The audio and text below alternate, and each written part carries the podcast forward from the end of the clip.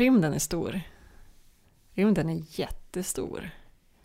Och i de kommande två avsnitten tänkte jag att vi skulle prata lite om den här galaxen långt, långt borta och hur allting egentligen fungerar.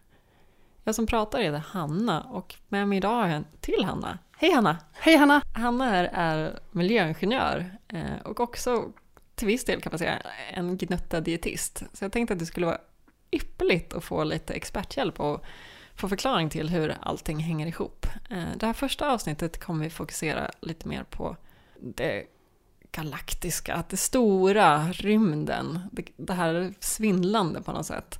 I nästa avsnitt fokuserar vi lite mer på det småskaliga, hur folket där i faktiskt fungerar när de möts. Är du beredd Hanna? Jajamän! Välkommen till Escape-pod.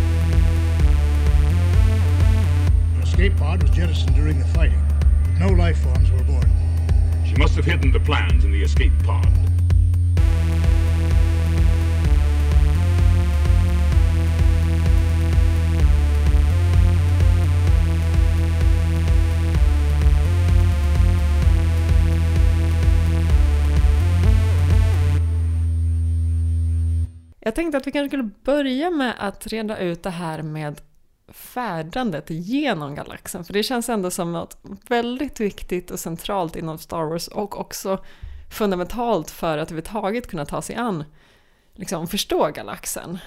Och vi har ju sett de här sjukt snygga liksom, hoppen till hyperspace, vita prickar blir långa streck och helt plötsligt vet man att nu är det någonting på gång. Och det här snygga, snygga när de kommer ut ur hyperspace och det bara är... Precis. En väldigt kort extraktion, det kommer vi komma tillbaka till. Ehm, jag försökte fundera på exakt hur hyperspace fungerar, för att vi vet ju liksom från vår värld att det finns ganska mycket begränsningar från fysikens lagar när det kommer till att färdas eh, i ljusets hastighet. Och dessutom verkar det gå så himla fort när de reser i Star Wars. Alltså de blir aldrig Ja. äldre eller någonting Nej. sånt, de bara kör. De behöver knappt sova på vägen. Nej, precis. Det, det verkar liksom ta några timmar och så är de på något nytt ställe. Och det verkar som att eh, hyperspace fungerar kanske lite mera som hopp än som faktiskt linjär färdande. Mm. Man måste först komma upp i ljusets hastighet för att komma till hyperspace, men sen fungerar det som en, kan man säga, separat dimension. Så att du hoppar in i hyperspace, färdas då icke-linjärt till den här nya punkten. Det är svårt att bara ta sig linjärt över universum och det är därför man också har såna här speciella rutter Mm. eh, som de pratar ganska mycket om. Och det här förs ju krig i Star Wars-universumet för att liksom få makten över de bästa rutterna och det finns några liksom huvudrutter i universum och så finns det jättemånga delrutter. Eh, men det är liksom väldigt centralt är ju just liksom beräkningen av hoppandet och inte så mycket färdandet i sig. Nej, just det. Det som alltid är lite klurigt är det här också med att de verkar ju inte kunna göra det från någon planets yta, så de verkar på något sätt ändå vara påverkad av gravitationen. Alltså, Hans Solo pratar ju om att så här, vi måste beräkna vår rutt för att vi kan inte åka igenom en stjärna. All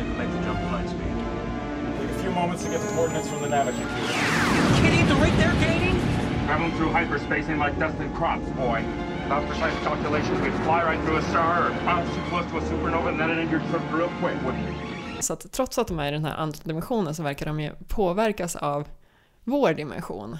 Mm. Eh, fysiska objekt här. Eh, det finns ju också den här grejen om att man inte då får hoppa från en planet eller till en planet, vilket de Men, tweakar lite på. ja, men är det inte någon gång som de hoppar Det är ju till en planet? Ja, Force Awakens. Just det, där är det. Här fuskar de lite och det är ju en Ja. grej som blev ganska mycket diskussion om. Ja. För att det hade man ju lärt sig att sådär får man inte göra. Nej men precis, och då är det som att, ja men här har vi en bra pilot, så nu gör vi så i alla fall. ja, men då, det jag funderar på då det är liksom att alltså de flesta reagerar ju ändå med chock så man kan väl ändå tänka sig att det fortfarande typ är omöjligt. Ja. Men att det kanske liksom har ansetts vara så fruktansvärt osäkert att göra så. Mm. Eh, att det är det de Så syftar att de på. helt liksom. enkelt bara tog en stor risk. Ja, och det var väl kanske värt det när det, Ja. ja, det vapnet de hade Ja. mot sig. Det verkar också som att liksom man tänker inte så mycket på hastighet som i liksom, ja men hur mycket snabbare än ljusets hastighet kan du åka till exempel, utan det handlar snarare om hur bra är din dator på att beräkna smarta det. toppar. Eh, någonting jag lärde mig alldeles nyligen, det var att det här parsecs, eh, som Hans-Olle alltid skryter om, Mm. Never heard of the Millennium Falcon? Should I have? It's a ship that made the Kessel run in less than 12 parsecs. det är ju inte ett tidsmått, det är ett avståndsmått. Så det handlar om hur långt han kan åka. Ja, för att han, alltså att han ska ju ta sig då den här sträckan, heter Ja. Castle Run. Ja. Ja. Och den, det är någon sån här typisk smugglarsträcka så att det liksom är väl någon st- prestige kring det. Mm. Och det som han lyckas med när han tar den då på 12 parsecs, det är att ta den på ett väldigt kort totalavstånd. Alltså att han kan hoppa så pass smart så att hans skepp, alltså Falcon, åker väldigt kort för att ta sig den här Ah, Ja, ja, sträckan. ja. Så att hans skepp är bättre på momentan förflyttning än många andra.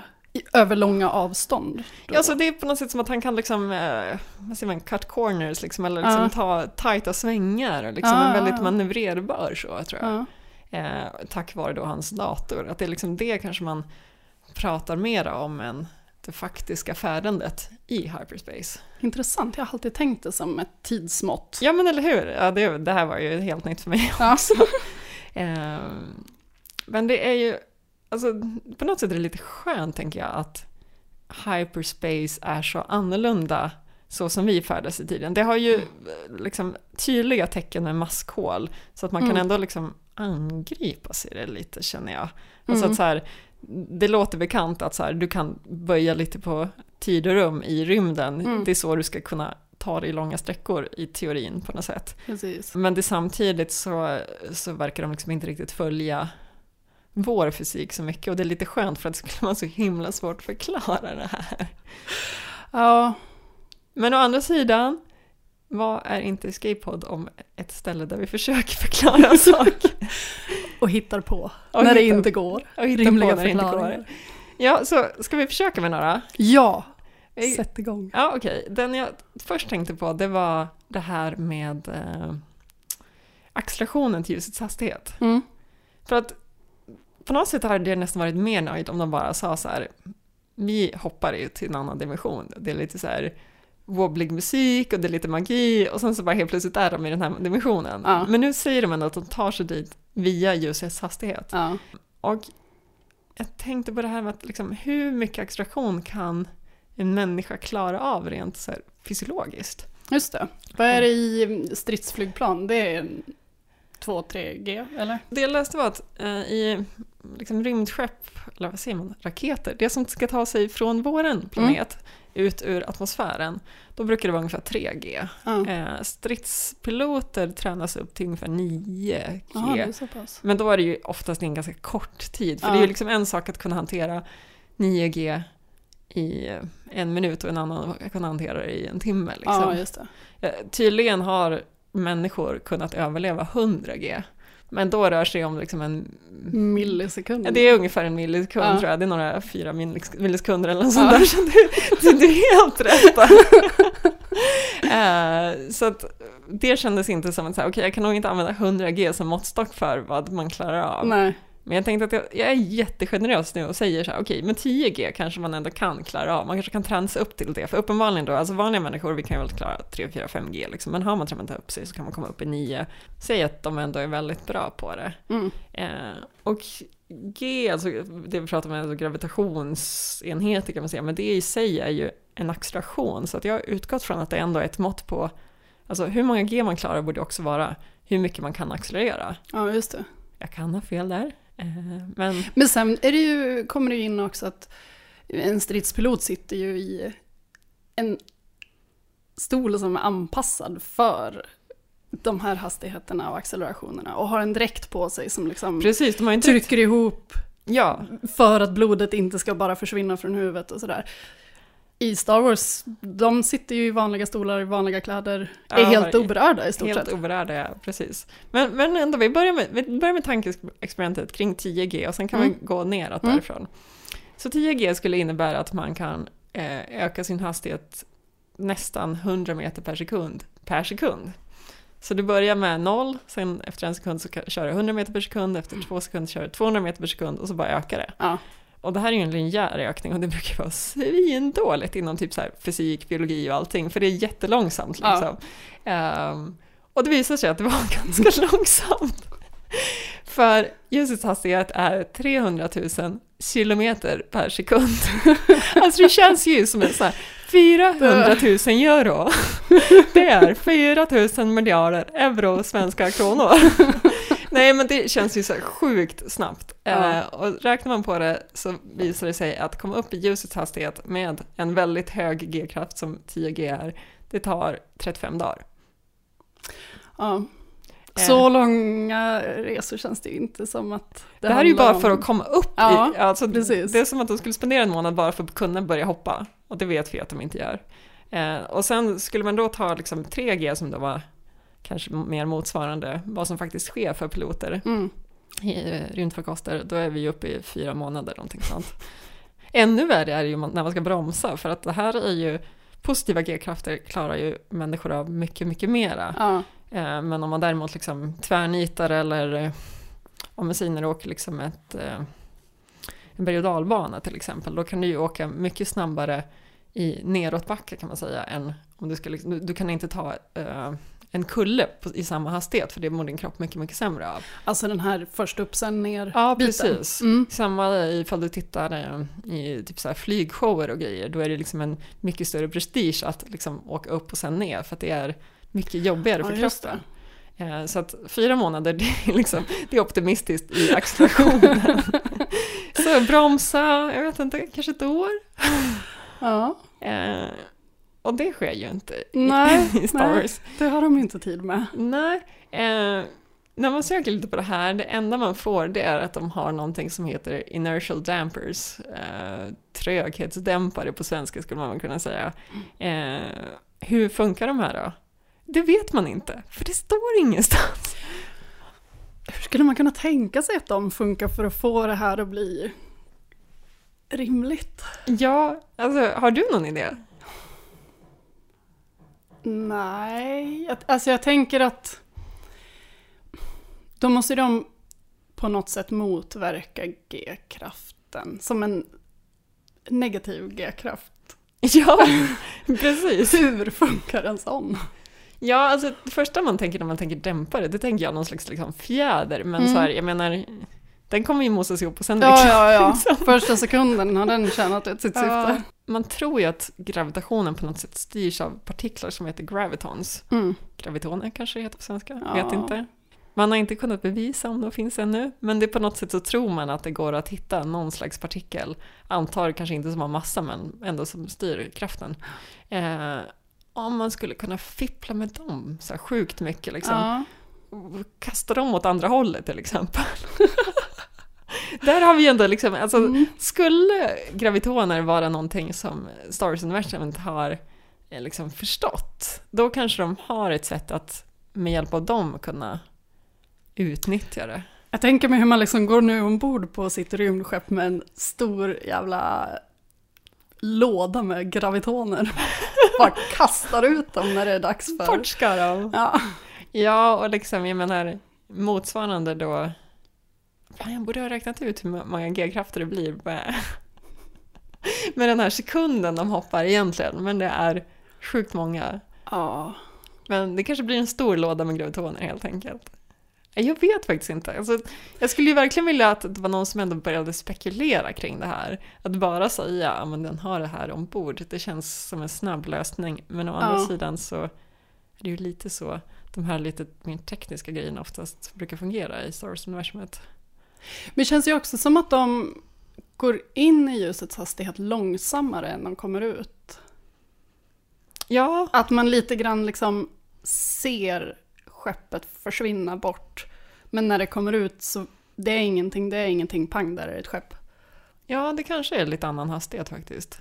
Ja. Tänker du att det kanske har att göra med att hur mycket man just... Nej men då tänker jag att det blir ju ännu svårare med tanke på att kroppen tål inbromsning sämre. Förutsatt att de funkar som oss. Ja, precis. Det, det är ju också en sån grej, att visst de pratar om liksom människor som människor, men Mm. i och med att de ändå är i en annan galax så kan det ju vara så att fysikens lagar jobbar helt annorlunda för dem. Ja.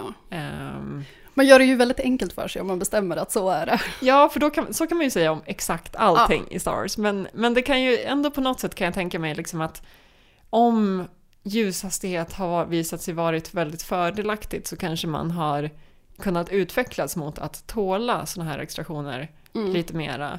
Det kan också vara att man liksom rent artificiellt har hittat så liksom genetiskt material som är så här, det här i din kropp är relevant för att kunna tåla extraktion. Kan du boosta det på någonting, något Ja, sätt? Liksom, alltså en bioteknisk utveckling eller Ja. vad man ska säga. Ehm, Det finns väl vissa arter som kan färdas i ljushastighet ja, av sig själva. I Star Wars ja. Ja, precis. Ja, precis. Så att de kanske liksom har, Där har du en poäng. ja, det kanske har funnits ett stort labb någonstans med, med, med dem som försöksdjur.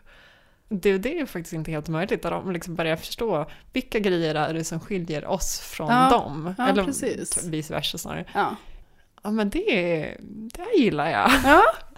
Det är ändå, det är ändå helt rimligt och man har ändå sett liksom i uh, Clone Wars, vad heter den där, Silobeast, heter den så? Det här stora monstret som uh, Palpatine vill... ja, den här som attackerar Jedi-templet. Nej, Ja precis, Ja. Som, som ska ha liksom en supersköld och grejer som Ja. tål ljussablar. Så liksom uppenbarligen så kanske det här liksom etiska tänket när det kommer till djurförsök är väl ja, snarlikt det vi har här helt enkelt. ja. Att liksom, ja, men de har fångat in de här och försöker förstå vad det är som skiljer dem åt.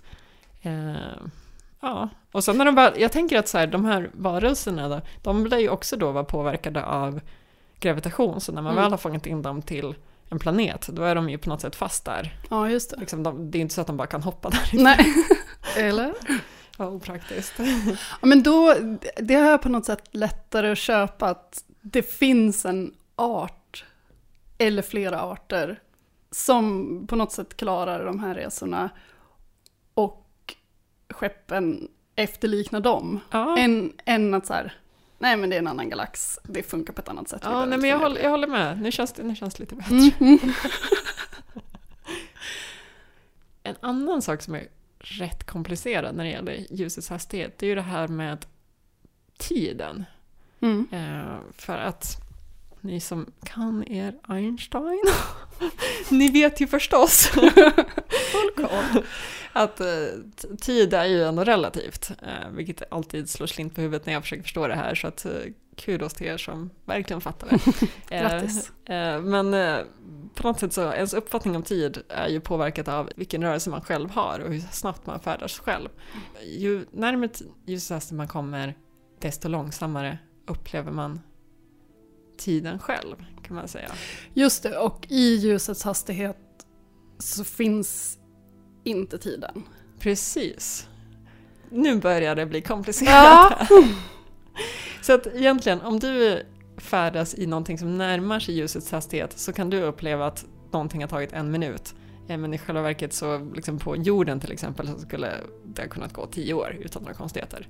Kan det gå åt andra hållet också? Ja, både och. När du kommer till ljusets hastighet, då som du säger, då står still, tiden helt still. Så du kan röra dig i en minut i ljusets hastighet och då kommer all evighet ha passerat. på jorden. Härliga tankar. Ja, börjar det få svindel nu eller? Oh ja.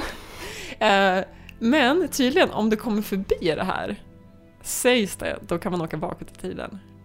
Ja, nu börjar jag flippa helt i. Mm. Ja, nu, nu får jag den här Tydligen, rymdsvindeln. ja, och det svåra...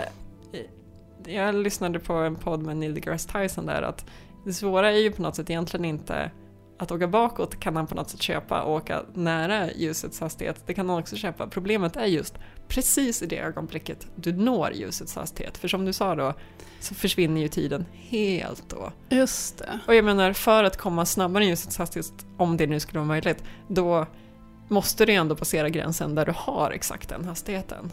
Och Då Mm. står ju allting bara still. Mm.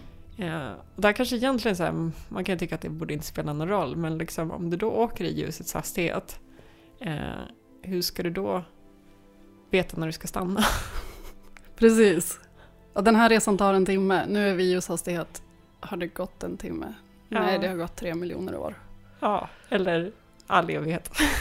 Ja. När du ändå är där liksom. Ja, Du kan, ja. Vi kan dra till med vilken tid som helst. Eh, Men kan man tänka sig då kanske att man kommer upp i ljusets hastighet och liksom, nej det går ju inte. Jag tänkte att i exakt samma sekund så sker hoppet till Ja. platsen man ska till. Men det går ju inte att vara i exakt samma sekund när man väl har hamnat i ljusets hastighet. för då är du 300 miljoner år Ja, sedan. ja, Eh, nej, alltså det där bekymrar mig lite grann. ja. Ett tag tänkte jag så ja, men det kanske bara är hur vi upplever tiden, men liksom våra datorer, de kanske ändå så här, ja men de datorerna som styr vårt rymdskepp, de fattar att ja, men nu måste vi hoppa ur här.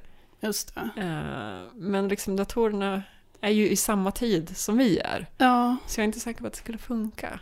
Det är det som är det trixiga med ljuset, att det kan ju inte nå, det kan ju inte få en annan hastighet än det det har. Det Nej. kan ju inte stanna, stanna ner. nej. Utan det har alltid 300 000 km per sekund eh, förutsatt att du är i vakuum och lite sånt där.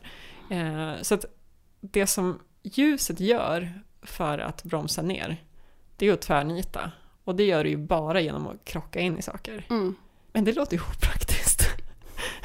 Det är ingenting jag skulle vilja tillämpa på mina rymdfärder. Så här, vi, vi åker lite random i den här riktningen. Vi Och sen krockar vi. Vi stannar när vi krockar med en planet. Då är vi framme. Ja. Alltså jag tänker så här, kan det vara, om, om man nu säger liksom att eh, den här hyperrymdsfärden är väldigt påverkad av gravitation, alltså det jag tänker är, kan man liksom tänka att gravitation är ett sätt att krocka? Alltså att man måste utnyttja gravitation från liksom stjärnor och planeter för att på så sätt liksom automatiskt bromsa ner. Alltså det kanske inte blir en tvärnit, men att det liksom är det som bromsar en. Ja. Eller att det skulle kunna skicka en signal till beräkningsdatorerna att nu har jag blivit påverkad av planeters gravitation så här många gånger. Och enligt beräkningarna så, så var det så här många gånger jag skulle påverkas av planeters gravitation innan vi kom fram. Det där skulle ju vara bra, förutom att din dator sitter på ditt skepp. Mm. Där en sekund och 300 miljoner år är samma sak. Så Ja men då tänker jag att då räknar vi bara, men datorn får inte räkna i, i någon snabb hastighet. Datorn räknar i... ja den räknar innan. Den räknar ju i... i Och sen hoppar vi och sen, ja. sen hoppar vi och sen är vi fast där liksom. ja. Så att jag tänker alltså att vi måste ha en kraft utifrån. För vi kan inte ha någonting inne på skeppet som gör någonting för att det där står tiden, tiden still. Mm. Åh, Vi behöver ett flygledartorn. Ja men typ som bara rycker åt den. Ja. Vi har ju sett, det är ju... Är det Rebels vi har det här skeppet som... Som kan dra ut Ja. skepp ur, ja. Använder inte de gravitation? När jag tänker efter. Jo, det gör de väl. Det är ju ingenting de pratar om kanske i Star Wars, men säg då att det är så att de här rutterna och de här beräkningarna baseras på att du passerar ett gravitationsfält. Jag menar, all, vart du än är i universum så känner du ju av en gravitation, men Mm. alltså att du på något sätt, när du når en viss tröskel i gravitationen, eh, på samma sätt som att du måste åka ur i atmosfär för att kunna hoppa in, eller hoppa iväg i hyperrymden, om du liksom når en viss tröskel och kommer tillräckligt nära ett större gravitationsfält, då kanske du bromsar in. Men var skulle vi få de här gravitationsfälten från då? Ja, men stjärnor och planeter. Så att, Ah, alltså att, att själva beräkningarna kräver att du hoppar nära. Alltså, Ja, för om du ska ta dig från punkt A till punkt B, då är det ju sällan du hoppar bara ett hopp, utan oftast är det ju liksom ett antal hopp du gör. Liksom. Ja. Och ibland kan du behöva liksom gå ur hyperrymden. kalibrera om. Ja, eller, nej, eller alltså, det ingår i beräk- huvudberäkningen att du liksom, man måste hoppa ut och in lite Ja. grann. Eh, och kan det då vara så att du hoppar då ut och in nära just planeter eller stjärnor? Ja, just det. Alltså att det, att det på något sätt att man använder någon slags sekundärkraft för, som drar ur en ur det här. Mm. För du kan inte göra någonting. Du är helt utelämnad. Men då kan man bara hoppa ut ur hyperrymden nära en planet. Ja, tillräckligt nära. Ja, Eller en stjärna. ja. Men då måste du också ha full koll på vart allting är. Ja. Men det måste du ju på något sätt ändå, för det är ju det som det känns som att det, det Han Solo syftar på. Att ehm, du gör ju beräkningarna för att inte åka in i en stjärna. Mm. Eh, så att liksom på något sätt så måste det ju ändå finnas en eh, rymduppskattning, om man så att Ja, säga. ja. Eh, och, så, så det måste ju ändå på något sätt inkluderas att din dator har full koll på vart alla himlakroppar Ja. befinner sig. Ja. Om den ändå har koll på det, då borde den liksom ändå kunna ja, utnyttja det på något ja, sätt. precis. Då behöver den kanske inte ha koll på tiden för att veta när det är dags att hoppa ur. Utan den har koll på rutten snarare. Ja, jag menar ju fortfarande att datorn inte gör någonting, den startar bara. Men Den får inte göra något mer. nej, nej, det är ju sant. Men jag, jag halkar ändå dit hela tiden. För att äh, det är liksom...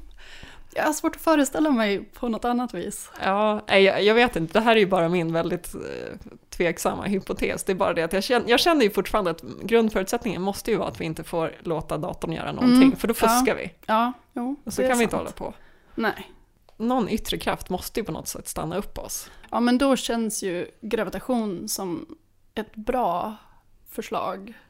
Speciellt med tanke på den här, eh, det här rymdskeppet som kan dra ut andra Ja, skepp men ur lite. Jag hade faktiskt glömt bort det. Det var först nu Ja. kom på. Man kan ju också se det som andra grejer. Det finns ju hur mycket konstiga saker som helst i rymden. Det har ju annat ljus. Kanske kan påverka. Mm, Antimateria vet vi ingenting om. nej. Just nu är det ju inte så himla, inte så himla fancy. Det spinner lite, spinner lite annorlunda. Men jag menar, det kan, ju, det kan ju visa sig att antimateria är sjukt praktiskt på något sätt. Det är kanske det som saktar eller förändrar tiden, eller inte vet jag. Ja. Liksom. Eh, det kanske finns eh, tidspartiklar. Jag känner att mycket sådana här rymdproblem som är svåra att förstå brukar man få höra att ja, men med strängteori är inte det där så svårt. Så på något sätt skulle jag också kunna tänka mig att en strängteoretiker säkert kan förklara det där och då kan jag på något sätt vila tryggt i vetskapen att jag kan inget om trä- strängteori men andra förstår. Strängteori, då är vi inne på kvantmekanik jag. Eller? Ja, kvantfysik. Ja. Ja. Allting med kvant, det jobbar ju med helt andra regler Ja. och lagar. Så det kan ju vara så att saker funkar där. ja. Vi säger så. Då, då har vi fått lösningen på det. Strängteori eller gravitation räddar oss ur det här problemet. Ja, vad skönt. Men ehm, är vi klara med rymdresor då? Ja, men jag känner nog det. Nu känns det, alltså, är fortfarande lite hokus pokus, men vi, vi utgår från att de har löst accelerationsproblemet. Vi tror... De har tagit, dragit nytta av arter som kan det här naturligt. Ja, precis. Så de har utnyttjat arterna och de utnyttjar eventuellt gravitationsfält för att stanna ner. Ja, Då är det ju ändå typ möjligt. det låter bra. Vi behöver inte fundera på hur de här motorerna är gjorda för att komma upp i Nej, nej, nej, nej, nej. Det kan vi lämna. De har något väldigt bra bränsle för det där. Ja. Men då tänker jag att vi kanske kan gå in på planeter istället. Mm, det är ditt område. Ja, precis. Jo, men jag tänker på de här planeterna som vi ser som är ganska homogena. Mm. Vi har Tatooine som, vad vi ser i alla fall, är en ökenplanet. Mm, precis. Och det finns skogsplaneter och isplaneter och sådär. Mm. Och med jorden som referens så känns ju det lite märkligt. Här är det ju väldigt tydliga zoner att ja, men runt ekvatorn är det mycket växtlighet, mycket regn. Kommer man längre från ekvatorn så blir det torrare och så blir det öken och högst upp, högst upp, närmast polerna är det is. Och då funderar jag lite på hur uppstår en sån här homogen planet? Alltså det är klart att alla planeter inte måste se ut som jorden. Det är klart att det kan finnas homogena planeter rent naturligt när det kommer till klimat.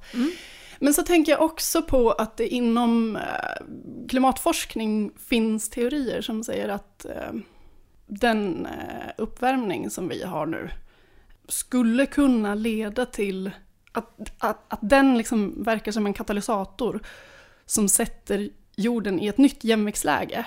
Mhm. Där hela jorden är täckt av snö och is. Eller hela jorden är täckt av vulkaner och magma och sådär.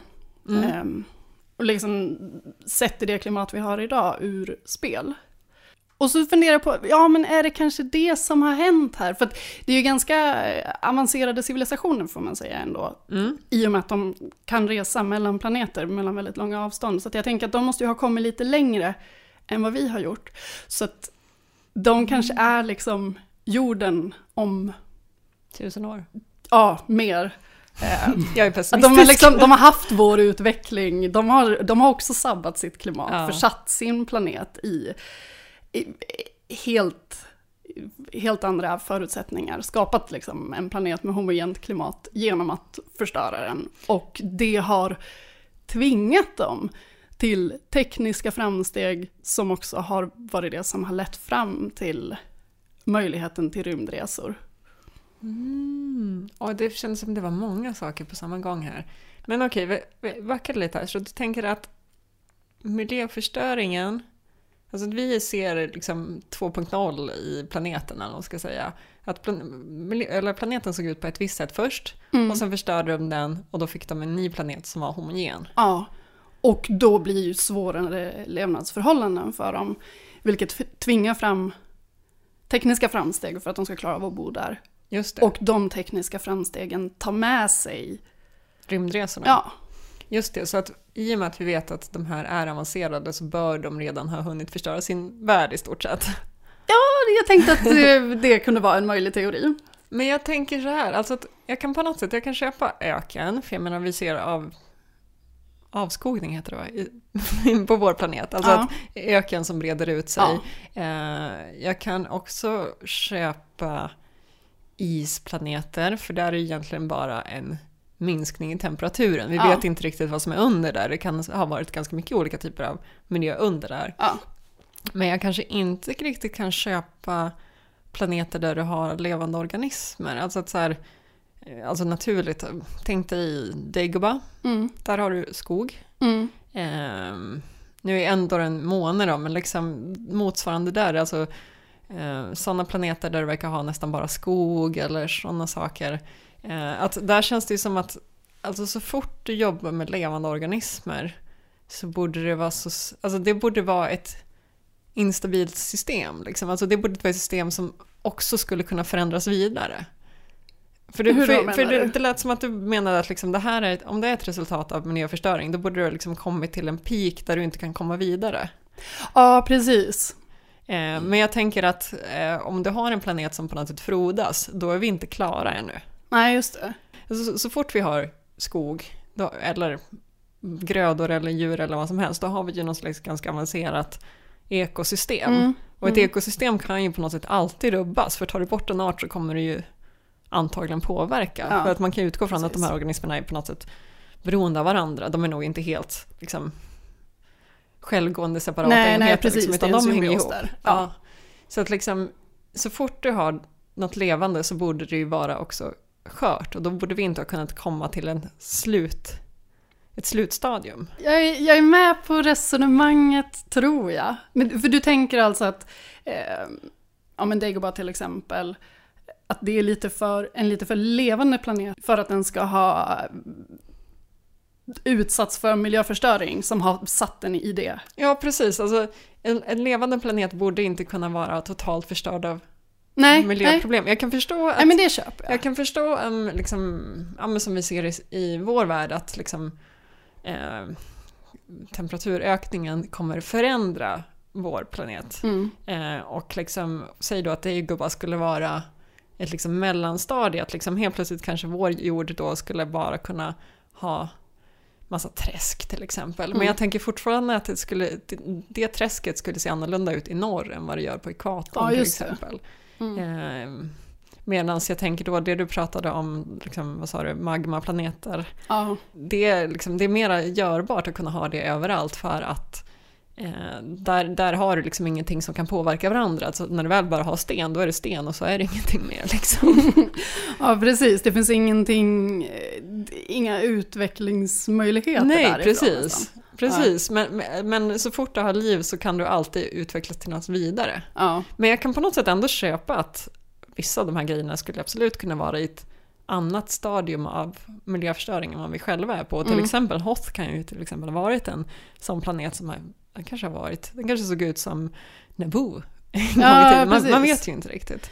Ja, men Så- för där, det vet jag att det finns någon eh, teori inom klimatforskning om att om isarna fortsätter smälta på polerna Mm, så rubbar det Golfströmmen. just det. När Golfströmmen rubbas, då blir det kallare klimat på vår breddgrad. Alltså, issmältningen leder på sikt till att mer is bildas, att vi får en istid och sen kryper den söderut och till slut har vi Ah, istid ja, på hela planeten. Mm.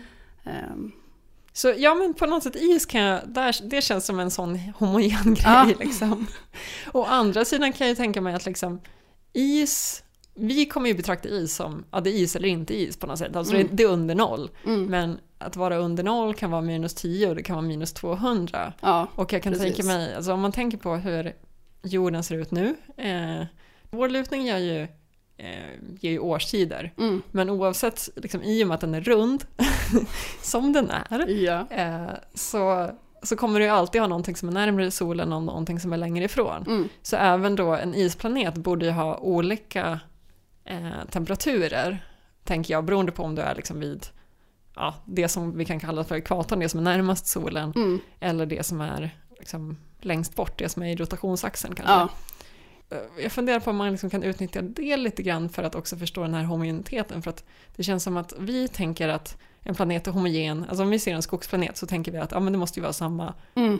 temperatur överallt. För, ja precis. för vi är ju det- vana vid att liksom våra, våra, vårt liv är väldigt liksom temperaturstyrt, alltså att Mm, liksom några enstaka grader hit, hit eller dit ger helt annan natur. ja, precis. Här är ju, kan det ju utan problem skilja 30 grader eller 50 grader eller 100 grader mellan, nästan mellan polerna och Ja. ekvatorn. Liksom.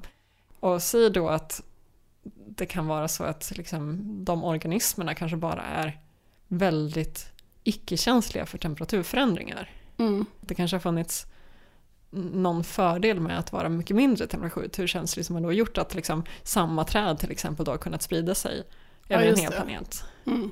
Jo, men jag läste på något rymdforum om eh, hur vi utifrån vad vi är vana med på jorden tänker om andra planeter eller liksom eventuella planeter med Mm. liv.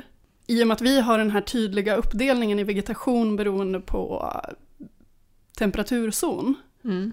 så tror vi att de här planeterna, Tatooine till exempel, är så himla homogena för att vi förvän- förväntar oss att är det olika klimat på olika delar av planeten så ska man se det i vegetationen. Just det.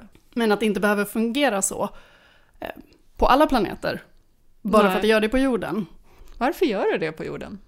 Vet man det? Alltså vi har den, en, en sån typ av växtlighet som är väldigt eh, anpassad till solmängd, temperatur, Ja, regn, eh, nederbördsmängd. Mm. Men att det borde ju kunna finnas organismer som du pratar om som inte är lika temperaturberoende till exempel. Mm. Och då skulle man ju kunna ha en planet där ekvatorn är väldigt varm, eh, närmare polerna är det kallare. Men de har samma typ av... Just Det är ju lite som såna här eh, superbakterier och motsvarande. Alltså såna här, det finns ju bakterier och sånt som kan tåla så här sjukt stora temperaturskillnader. Mhm. Alltså att eh, ja, men de kan ju liksom i stort sett överleva i eld och is. Alltså det, det spannet. Eh, vilket är lite creepy. Ja, det känns läskigt.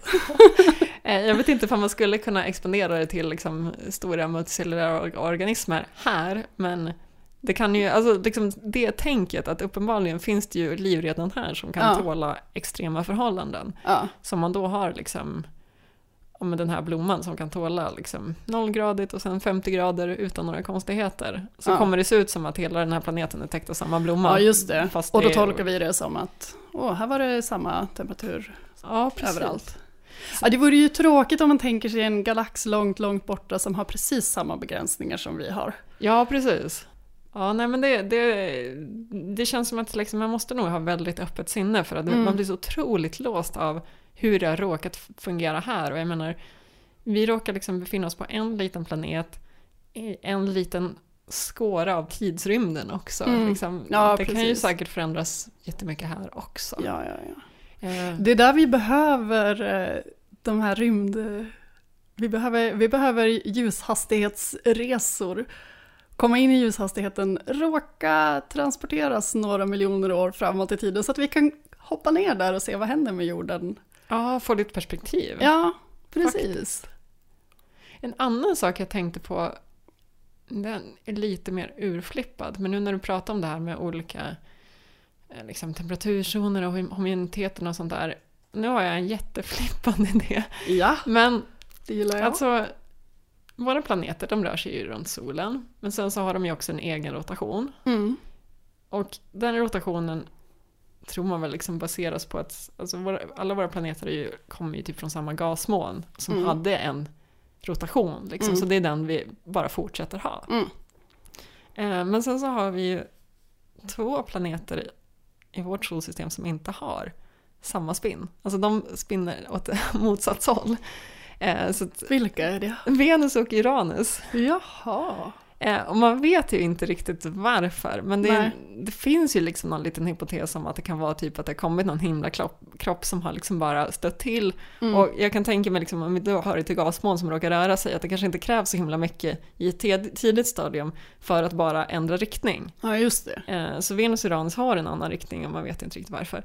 Eh, men det känns som att vi tänker ju liksom att alltså, vår planet roterar ju i stort sett, ja men liksom, vad blir det, ortogonalt eller liksom 90 grader mot den riktningen vi har runt solen. Liksom.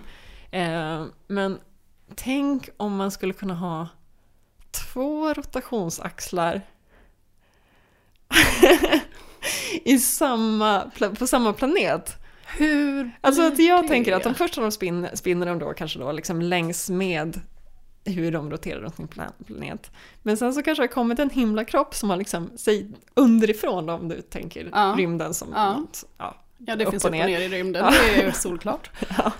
Eh, så tänk då om en, om en liksom, komet eller någonting skulle komma underifrån. Så att det liksom också blir en, ett spin åt ett helt annat håll. Alltså du roterar först liksom så du får dag och natt, men sen så Ja. roterar du, alltså så att du är då, ja, dag och natt mot solen då. Men sen så roterar du åt ett annat håll som är att du liksom typ på ett dygn får, vad blir det, liksom vinter och sommar. Alltså inte runt den egna axeln då, utan... Du har två axlar. Nej men, vad jobbigt. Jag vet ju inte, alltså jag vet inte ifall det borde kunna bli, men jag tänker liksom att då skulle du ha eh, för jag menar nu är det ju också så att vi har ju dag och natt så att vi är olika långt från solen, men om du till exempel är högst norrut, då kommer du liksom alltid vara, du kommer alltid vara eh, längre från solen kan man säga än vad Mm. ekvatorn är, Mm. eh, när du är som närmast, eller när du är som längst bort, Mm. eh, och när du är som närmast. Eh, men om man då skulle liksom rotera åt en annan vinkel så att du liksom mm, Ja men efter, säg då, nu kanske, säg att det skulle vara samma rotationshastighet, så efter 12 timmar så skulle vi befinna oss typ där Australien befinner sig. Mm. Va, ja. Så att vi båda hamnar närmre solen, alltså förutom att vi har solen på eller av i form av vårt dygn, Mm. så hamnar vi också liksom närmre och längre från i kanske en snarlik tidsrymd. Ja. Då borde man ju på något sätt få en liksom mycket mer homogen totaltemperatur. För jag menar, i vår värld så kan vi också hantera korta eller temperaturskillnader. Jag menar, mm, djuren dör inte på nätterna trots Nej. att det liksom kan vara mi- 20 grader kallare på en vinternatt till exempel nästan. Eh, så att vi kan ju uppenbarligen hantera stora temperaturskillnader så länge det inte håller på så länge. Mm. Men om man då liksom hela tiden skulle växla mellan, om man säger då nästan som sommar och vinter Mm. och dag och natt, då borde man ju totalt kunna få liksom, ja man upplever väldigt mycket olika temperaturer på ett dygn eller en vecka eller vad vi nu kan kalla den andra hastigheten för. Men de här planeterna med två rotationsaxlar, Ja, tänker du att det skulle kunna vara någon av planeterna vi ser i Star Wars-universet? alltså du har ju en poäng med det här med att det liksom, om man bara utgår från att allt, överallt på Tatooine så är det varmt liksom. Mm. Det kan ju vara att det skiljer sig 50 grader där för att det är liksom sand som sand, det kommer inte Mm. bli så mycket annorlunda. Eh, men jag tänker just de här, ja men kanske mera Naboo som verkar vara liksom grönskande över hela planeten. Mm. Eh, eller Dagobah eller något sånt. Av det lilla vi ser då. Jag tänker att de kanske har den typen av dubbelrotation. Mm. Mm. Det har ju aldrig nämnts, alltså de pratar ju liksom om att så här, hur lång tid tar ett varv. De säger ju inte hur lång tid tar det andra varvet. Nej, just det. det är liksom, eh, alla vet när man pratar om hur lång tid tar ett varv att det är varv nummer ett. Ja, Det precis. handlar om. Varv nummer två bryr vi oss inte så Det mycket om. kanske alltid är samma hastighet. Så det Ja, vara- just det. Nej, jag tror inte det. Ja. Nej, Men det skulle ju vara svårt för mycket av växtligheten tänker jag, att ha sådana snabba växlingar. Alltså jag tänker, det finns ju många träd och blommor och buskar på jorden som inte klarar en frostnatt eller att det oväntat kommer ett stort snöfall. Att Ja, det det liksom sant. behöver bli den här gradvisa temperatursänkningen på hösten som får träden att tappa löven så att de inte är lika sårbara för kalla temperaturer. Men jag tänker lite så här att om vi nu ser det som att det är en homogen planet så kanske det inte heller finns så jättemånga olika organismer. Nej. Och de i sig kanske bara helt så här, vad säger man, liksom utvecklade för den här extrema fluktuationen. Alltså det är Ja, de bara vet de som har när- överlevt. När det börjar bli solnedgång då är det dags, dags att dra in allt sitt Precis, vatten i precis. stammen. Ja. ja, varför inte? Men då skulle jag verkligen vilja se Naboo till exempel på natten. Ja men det har vi aldrig fått göra va? Nej, jag tror inte det. Eller hur? Hmm. Fast det är ju inte, som sagt det är ju inte dag och natt. Alltså att, att solen är närvarande eller inte, det är ju inte det som avgör Nej, just det. det. Jag skulle vilja se Naboo på den andra På vintersidan. mm, vintersidan. Ja, nej, det, jag tror kanske mer på det vi var inne på först, att liksom, vi är lite naiva när vi tror att liksom, vegetation alltid är väldigt kopplat till några enstaka graders skillnad. Mm. Ehm, Men eh, lägga in en liten krydda där också. För att fästa till det ja, precis. När vi ändå är inne på planeter nu, Mhm. så tänker jag på Tatooines dubbla solar. Mm. Eh, hur funkar det för en planet som har två solar? Och jag tror att jag liksom, jag har sett de där två solarna gång efter gång och så har jag tänkt, ja, det här är ju lite knasigt. Så här kan det ju inte gå till. Nej. Men sen så bestämde jag mig för att kolla upp det här lite. Mm. Och det finns tydligen ganska många planeter som har dubbla solar. Okej. Enligt NASA. Ja. Som jag klassar som en ganska trovärdig källa. Ja, på det här man nog området. Mm. Så hur, hur planeten rör sig runt solen, för då började jag tänka så här, ja men den, en planet kanske kan röra sig som i en åtta mellan de här två solarna. Ja, just det. Men Just det gör den inte. Nej. Vilken besvikelse. Ja, förlåt. Ehm, nej, utan eh, hur den rör sig beror på hur stort avståndet mellan solarna är. Mm. Är avståndet större än något visst avstånd, då kommer planeten bara gå runt den ena solen och den andra blir helt perifer. Ja, så den dyker liksom upp en gång per år ungefär. Kan man se det lite Ja, så? Alltså så här, Ja. några månader per år så kommer du se den i Ja, en viss del av horisonten. och då blir det midnattssol oavsett var på planeten du är antar jag. Ja, men du går emellan dem ja. Ja, precis. För då när, när planeten vänder sig bort från den ena solen, hej hej, kom den andra solen. Ja, just det. Ja, Sweet. ja det vore ju ganska... Eller jättejobbigt att sova. Ja, det beror på vad man vill ha. Ehm, ja, men och det andra alternativet är att solarna ligger nära varann. Och då går planeten i omloppsbana runt båda solarna. Okej. Så det blir någon slags liksom, eh, mm, centrum i... Alltså tyngdcentrum dem, liksom. Ja, precis. Men då, då måste ju ett år bli väldigt, väldigt långt å andra sidan. Ja, men just det. Det blir ju... Det borde ju bli ganska långt. Man kan ju tycka ändå att stjärnorna borde ha ett visst avstånd emellan och så ska man lyckas krångla sig runt båda. Ja, precis. Med en viss marginal. Och då tänker jag på hur, hur stor chans är det att en planet blir beboelig när den har en så lång omloppsbana? Alltså det, jag tänker att det kan gå till extremer att, att när, när planeten är som närmast solarna så blir det väldigt varmt. Men längst bort Det, ja, Ja, det borde ju vara liksom så att i, en viss del, del av året så borde du vara närmast den ena solen. mm, Och sen så en annan del av året är du närmast den andra. Och sen så är det något stadium där du liksom lite halvnära båda två. mm. Det beror väl lite på hur långt avståndet mellan dem är i förhållande till ditt avstånd till någon av solarna. Och hur, hur jämna temperaturer kanske de här solarna har. Mm, ja, just det. För det, kan ju, det spelar ju in såklart. De behöver ju inte vara lika gamla. För sig då att det skulle vara en som är rätt sval och så den andra som är väldigt varm. Och så ska du gå runt båda. Då kommer du ju liksom vara väldigt långt från den varma solen Ja, halva året liksom. Eller på vintern. Ja, Eh, det, ja, då pratar vi ju extrema temperaturer här. ja.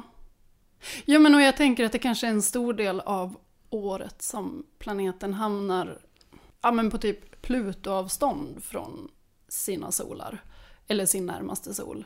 Alltså du tänker att det är någon slags elliptisk bana för att kunna täcka båda två? Ja, det tänker jag.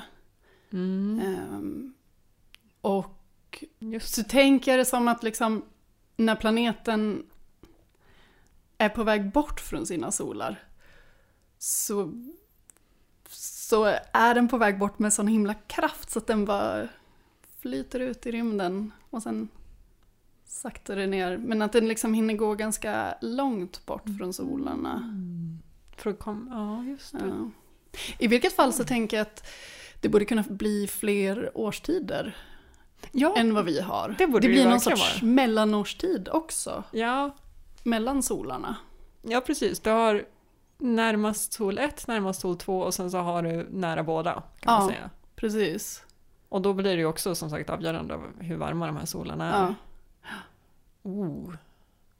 Fast också lite mysigt. Ja. Ja, jag skulle gärna ha två solar. Jag tänker lite så här, Game of Thrones så kan ju så här, vintern hålla på i flera år och sommaren också.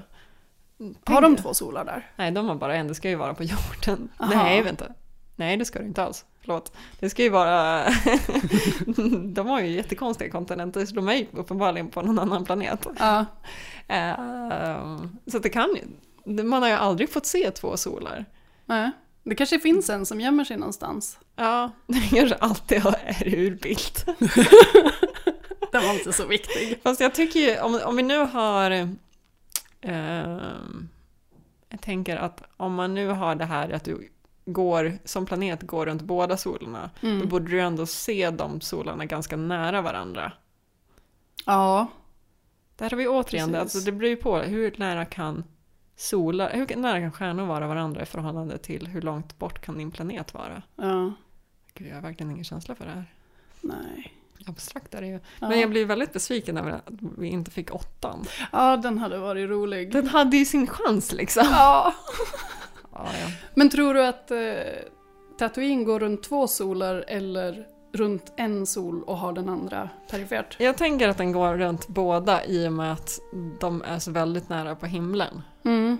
Men det skulle de ju kunna vara, för den ena ser ju mycket svagare ut. Jo, det är solen. sant. Så du menar Det skulle ju kunna vara att den är svagare, men det skulle ju också kunna vara att den är den här perifera solen som är mycket längre bort. Ja, Och att precis. det är därför den... Men då måste man ju, då måste det vara den delen av året, att man alltid råkar se Tatooine på den Mm. delen av året där du råkar ha dem liksom i, i linje med varandra. Ja, just det. Ja, det är sant. För att annars så skulle det ju vara så att ibland ser du Tatooine med en sol och ibland ser du med två solar. Mm. Å andra sidan har vi inte sett så mycket från Tatooine, men Nej. Så att så här, det kan ju vara så att George Lucas valde att spela in på bara den delen Det var en årstid som lämpade sig bäst. ja, Resten av året bara regnar hela Men jag tiden. tycker utifrån hur vi ser eh, silhuetten så känns det troligare att de skulle gå runt Mm. båda. Mm. Ja, jag tänker mig också att den går runt båda. Men jag lockas väldigt mycket av tanken på att gå runt en sol och, och få den här, den här tiden på året då hela planeten har midnattssol. Ja, det är faktiskt sant. Så, men jag tänker, kan det också vara det som är anledningen till varför vi har ett sånt extremt klimat på Tatooine? För om vi då har liksom... eh, Det är två solar som brassar på. Ja, nej men jag tänker just ifall vi går mellan de här två solarna. Mhm, mm. Du har ett förhållande där du dels ska kunna hantera bara en sol och sen har du ett förhållande där du ska kunna hantera båda Ja, samtidigt. Liksom. Alltså att, att eh, växtlighet kanske inte riktigt kan hantera det. Nej, Men öken är öken. ja precis. What's that flashing? We're losing a deflector shield. Both strap yourselves in. I'm gonna make a jump to light speed.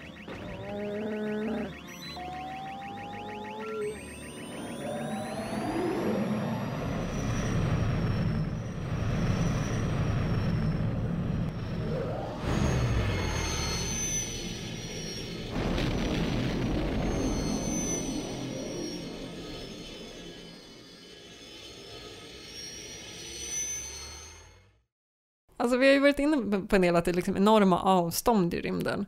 Men det är också avstånd i en annan dimension och det är ju tiden.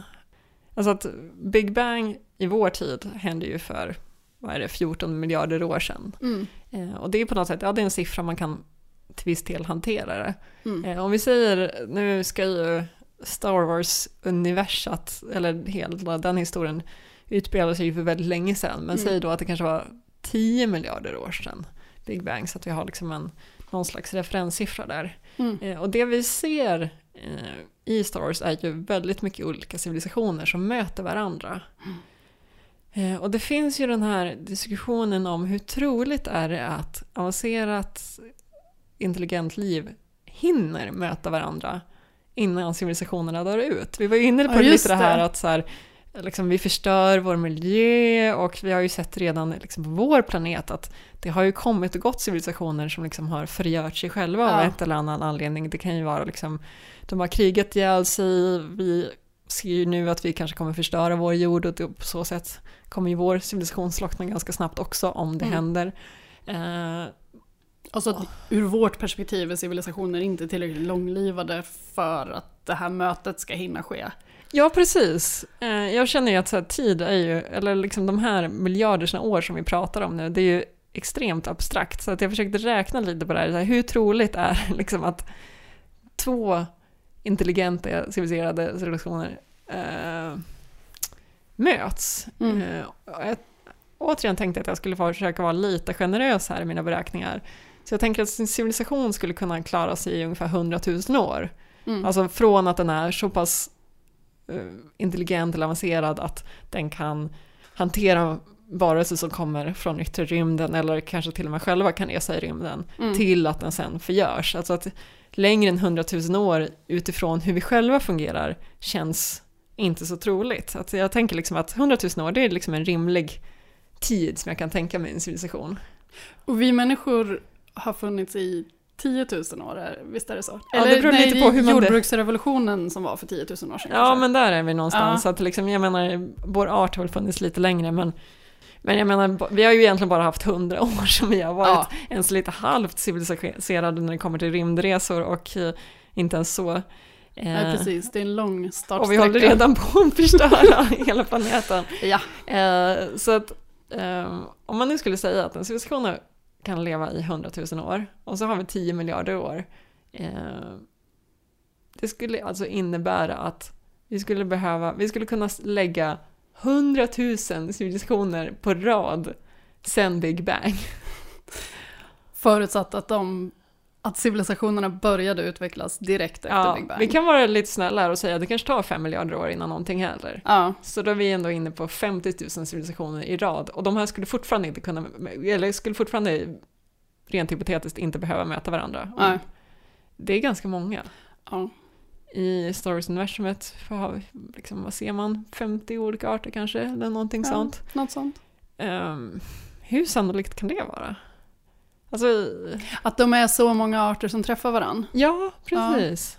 Men ja, jag tänker att det som är mest troligt i det sammanhanget är att det är en art, en civilisation, som har utvecklat förmågan till rymdresor. Och sen liksom hoppat runt till andra planeter och sagt hej, här är vi, så här gör man för att resa i rymden, ska ni med?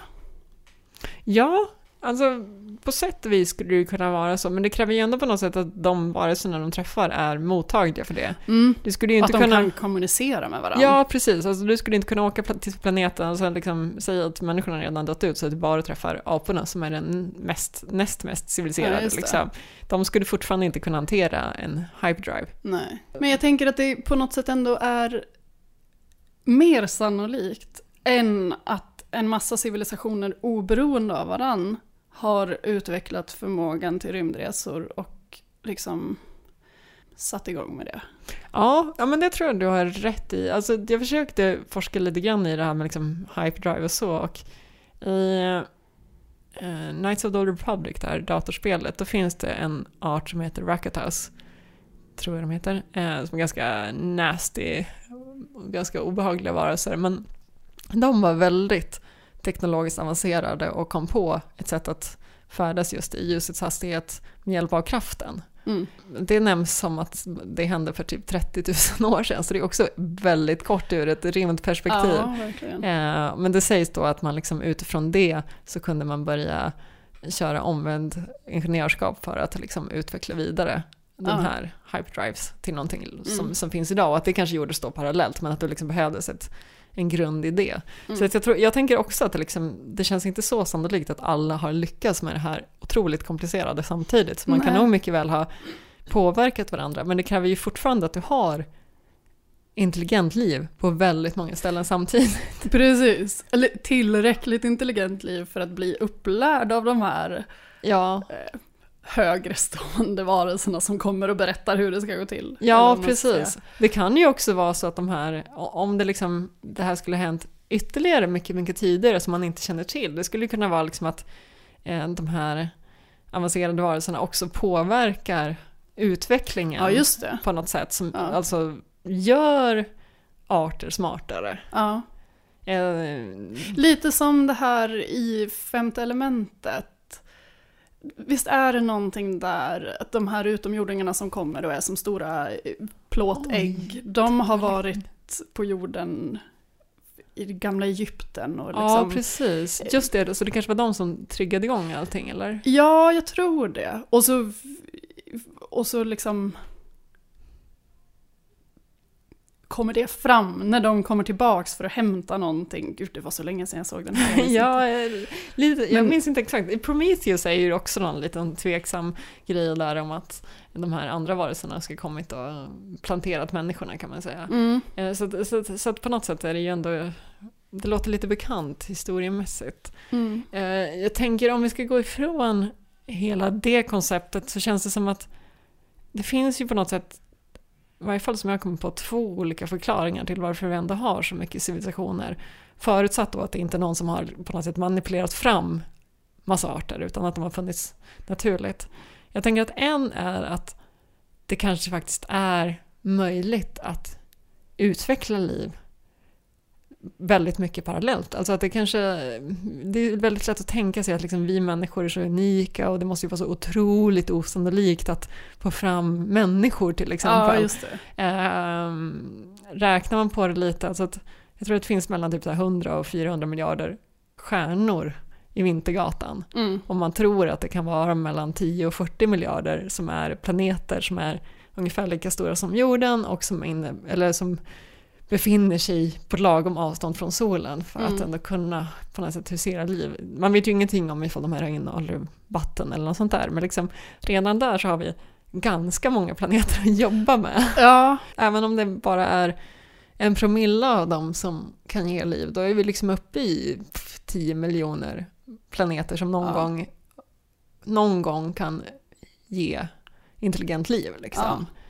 Och då, är vi ju, då har vi ju plötsligt en massa parallella civilisationer samtidigt. Liksom. ja. Även om man lägger dem på rad i en Big Bang. Eh, Så det är väl liksom det ena, att det liksom, man kanske på något sätt bara måste köpa att det är inte så unikt Nej, att det. få intelligent liv. Nej. Vår, Eh. vår tanke om att det är unikt handlar om att vi inte har lyckats ta oss så långt bort från vår hemplanet. Ja, vi har ju liksom inte kommit utanför solsystemet, så vi är, inte, vi är inte riktigt på god väg heller. Nej. Eh, Så, så det är liksom det ena, att, att det kanske är mycket vanligare och det finns så fruktansvärt mycket planeter i en galax. Mm. Så att, att, liksom, att det skulle finnas hundra olika arter, alltså hundra, ja, hundra olika civilisationer, det är ju inte så himla orimligt. Nej. Jag tänker att det andra, det skulle kunna vara liksom en felberäkning från mitt håll, att de här hundratusen åren kanske är väldigt kort. Alltså att För civilisationer att hinna Ja, uppstå. uppgång och fall, tänker jag. Mm. Alltså att, att vi tänker att liksom, det nästan känns svårt att tänka sig att människor som de funkar nu skulle kunna klara sig hundratusen år bara härifrån för att det går Ja, så det. snabbt utför. Ja, Eh, men vi som människor fungerar ju inte så bra när det gäller liksom, riskbedömning av händelser. Alltså att vi, vi har ju liksom viktar ju risker i nutid väldigt högt jämfört med risk i framtiden och det gör ju att vi inte är så himla bra på att tänka på till exempel miljöförstöring för att man det, det, är på Ja, något sätt, det är på något sätt farligare att missa den här sweeta Thailandsresan där du får lite sol än att Än att missa möjligheten till en beboelig planet. Ja, eh, för att det kanske inte ens kommer handla om dig, utan det kanske kommer just handla om dina liksom, barnbarns barnbarns barn. Liksom. Så att eh, en civilisation som har större förmåga än oss att värdera risker långt fram i tiden också har större möjlighet än oss att klara sig länge. Ja, men Mm. lite så tänker jag. Alltså för det, det, det är ju samma grej här, att det blir väldigt lätt att man tänker att, men, eller liksom att vi tänker på ett visst sätt, så då måste allt annat intelligent liv tänka på ungefär samma, till exempel liksom linjär tidsax eller Ja. lite sådana där saker. Att Ja. det är ju ingenting som säger det egentligen. Det, är snarare, det skulle ju snarare vara konstigt om du åker liksom 500 000 ljusår bort och Och så funkar allt exakt som här. Ja, så att, så att det kan vara någonting sånt att liksom, liksom arterna och civilisationerna kanske är så fruktansvärt uråldriga jämfört med våra mått mätt. Ja. Så det är väl det är väl lite de två kanske koncepten. Och sen så har vi ju då ytterligare här då att det kanske har varit en en, en väldigt högstående art som har kommit och bara planterat ut oss. Lärt Liksom. dem. Eller Ja. kanske inte planterat ut oss helt, men just ja, men lärt upp eller boostat vår utveckling på något sätt. Mm. Ehm, Men det här med sannolikheten för eh, intelligent liv på en planet. mm.